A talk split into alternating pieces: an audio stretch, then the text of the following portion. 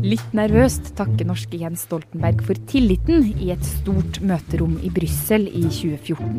And I'm grateful uh, to the 28 NATO allies for placing the trust in me. Det er første dag i ny jobb for den tidligere Ap-statsministeren. Oppgaven er å sikre freden mellom øst og vest, sørge for at Russland og Kina ikke angriper USA og Vest-Europa. This is a demanding job at a demanding time. Snart er det seks år siden han ble generalsekretær i Nato. Og håret hans ser ikke ut til å ha blitt et gram gråere. Men i det siste har Stoltenberg fått mye å tenke på. For det som så ut til å kunne bli et godt forhold mellom Kina og USA, begynner å kjennes ordentlig skummelt. The free world must triumph over this new tyranny. Du hører på Forklart fra Aftenposten. Jeg heter Marit Eriksdatter Gjelland. I dag er det mandag 3. august.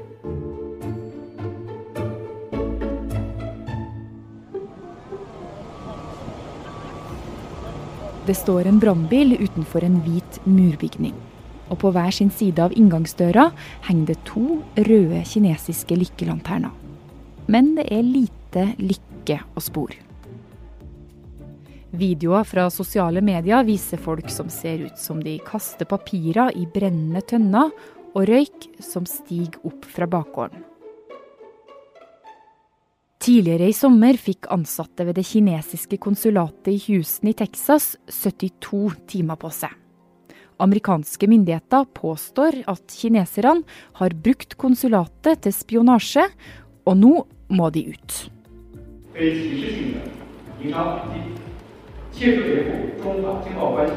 Kina lover hevn, og kort tid etterpå må amerikanske diplomater pakke seg ut av konsulatet sitt i den kinesiske byen Chengdu. Siden 1985 har det amerikanske konsulatet stått her. Men nå er det slutt. Jeg har litt lyst til å si at det var helt Texas. Julie Berg Melfall er utenriksjournalist i Aftenposten.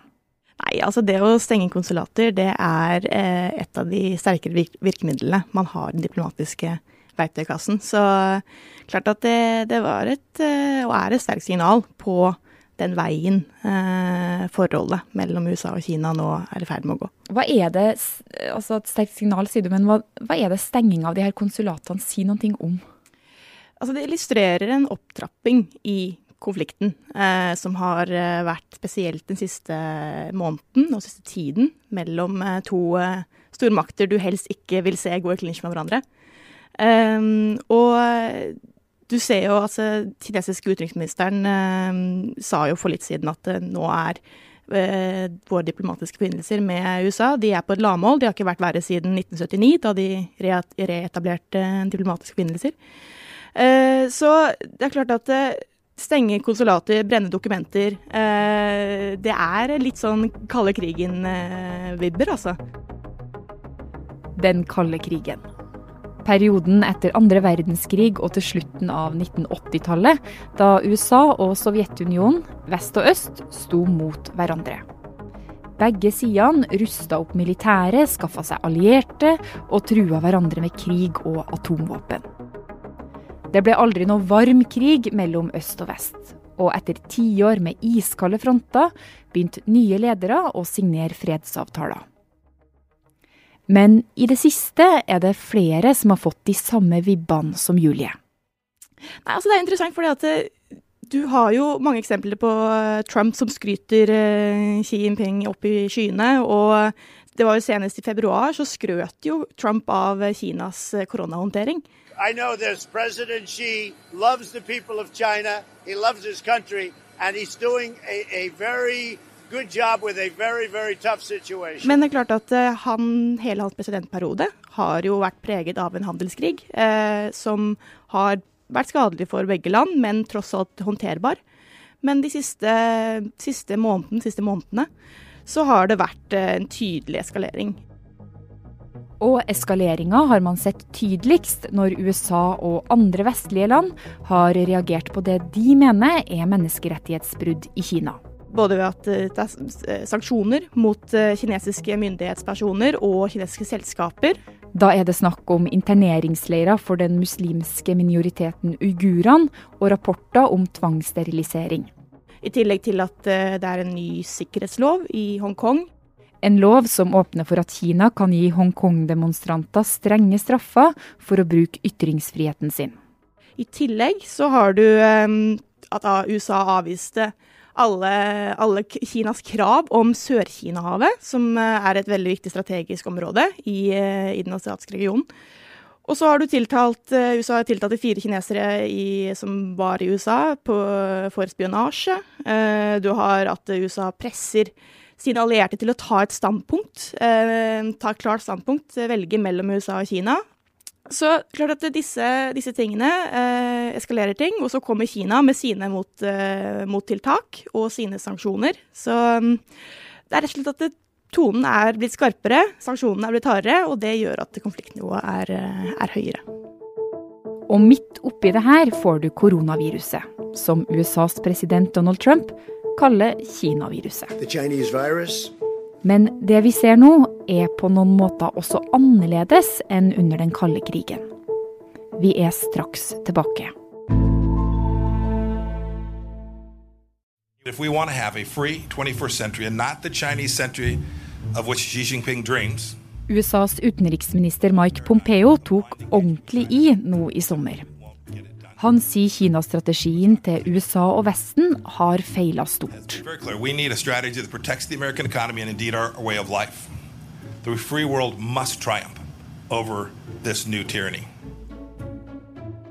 Det nye tyranniet.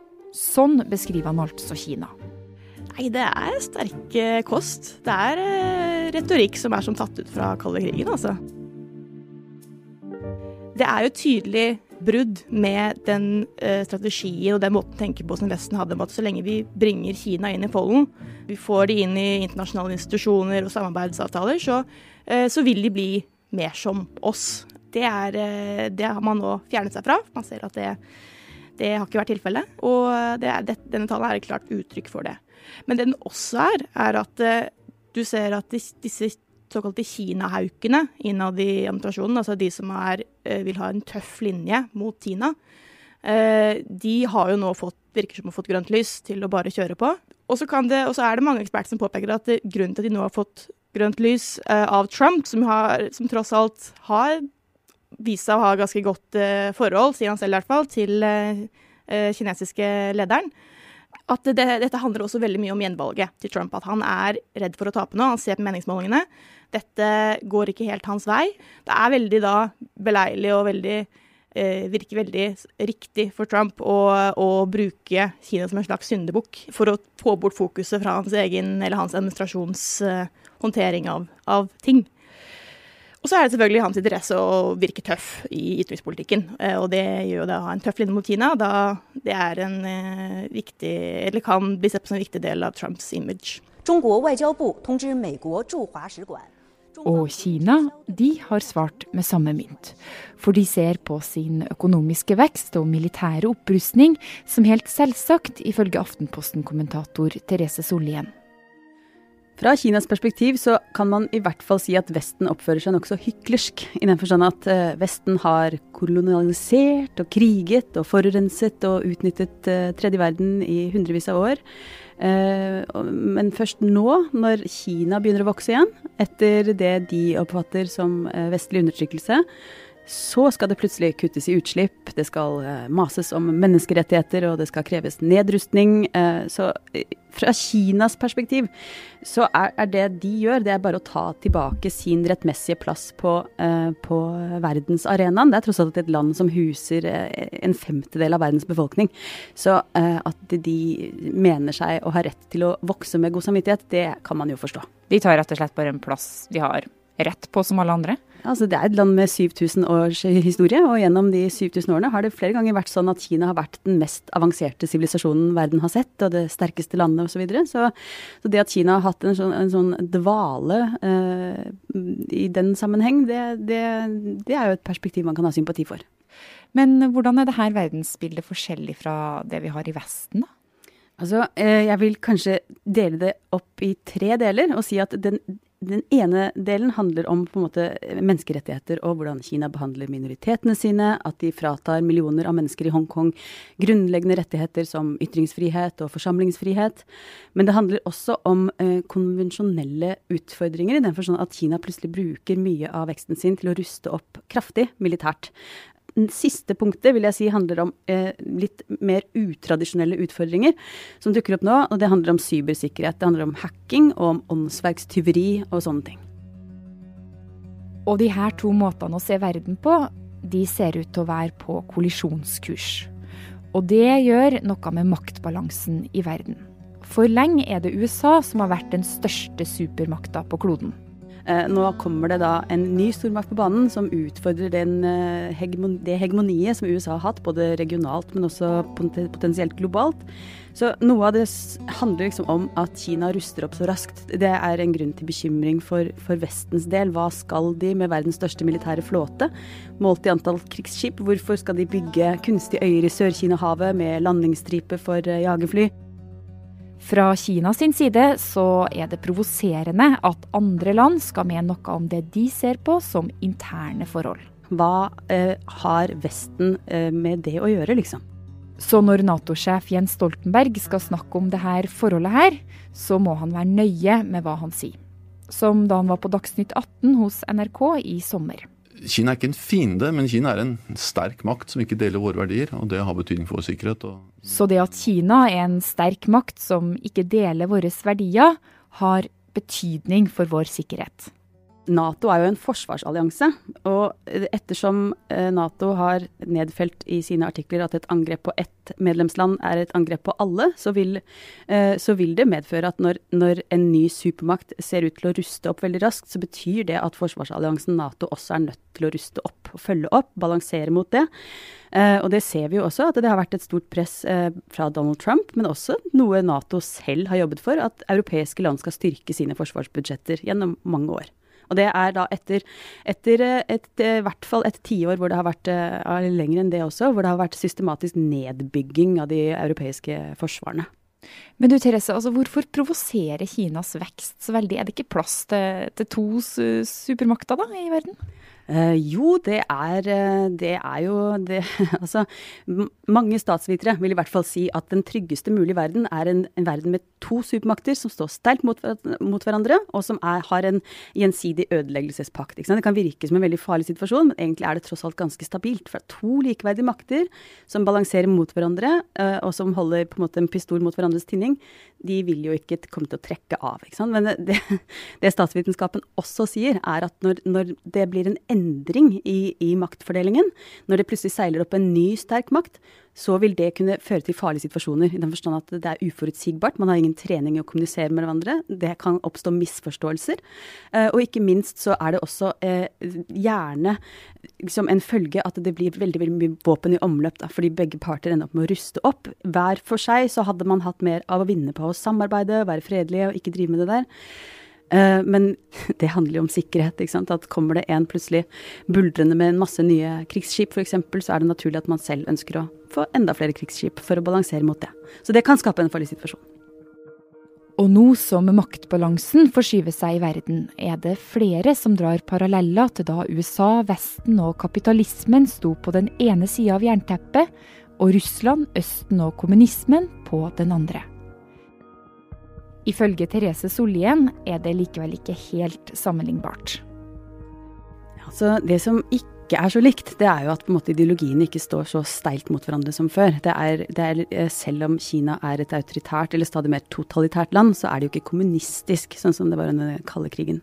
Uh, men det som er likt, er jo at det er, uh, det er fortsatt stor ideologisk konflikt. ikke sant? Sterke motsetninger i, i verdisyn på både individets rettigheter og på hvor viktig det er at folk er med på å bestemme hva slags ledere de har. Eh, og det handler jo om eh, menneskerettigheter og om åpenhet og om demokrati. Men du, er det noen grunn til å bekymre seg nå, da?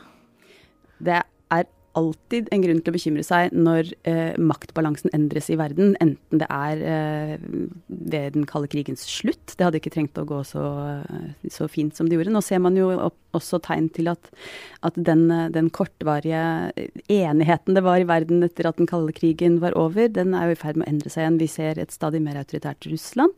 Uh, uklarhet rundt uh, lojaliteten til enkelte Natos medlemsland, uh, men også da Kina som stadig vokser seg sterkere. Så det er en verden i endring. Det i seg selv kan jo skape farlige situasjoner.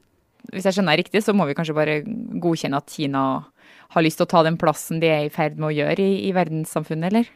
Altså, jeg har sympati for at Kina ønsker å, eh, å på en måte styrke seg økonomisk og få millioner av mennesker ut av fattigdom. Det er helt naturlig. Jeg er ikke like sympatisk til den store militære opprustningen, men det er, eh, det er ikke verken det første eller siste landet som kommer til å bruke en del av veksten til også å styrke seg militært. Så veldig rart er det ikke.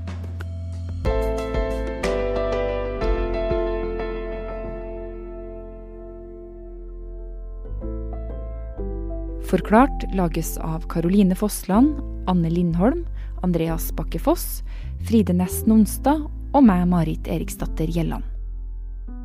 I denne episoden har du hørt lyd fra nyhetsbyrået AP og YouTube-kontoen til Det hvite hus.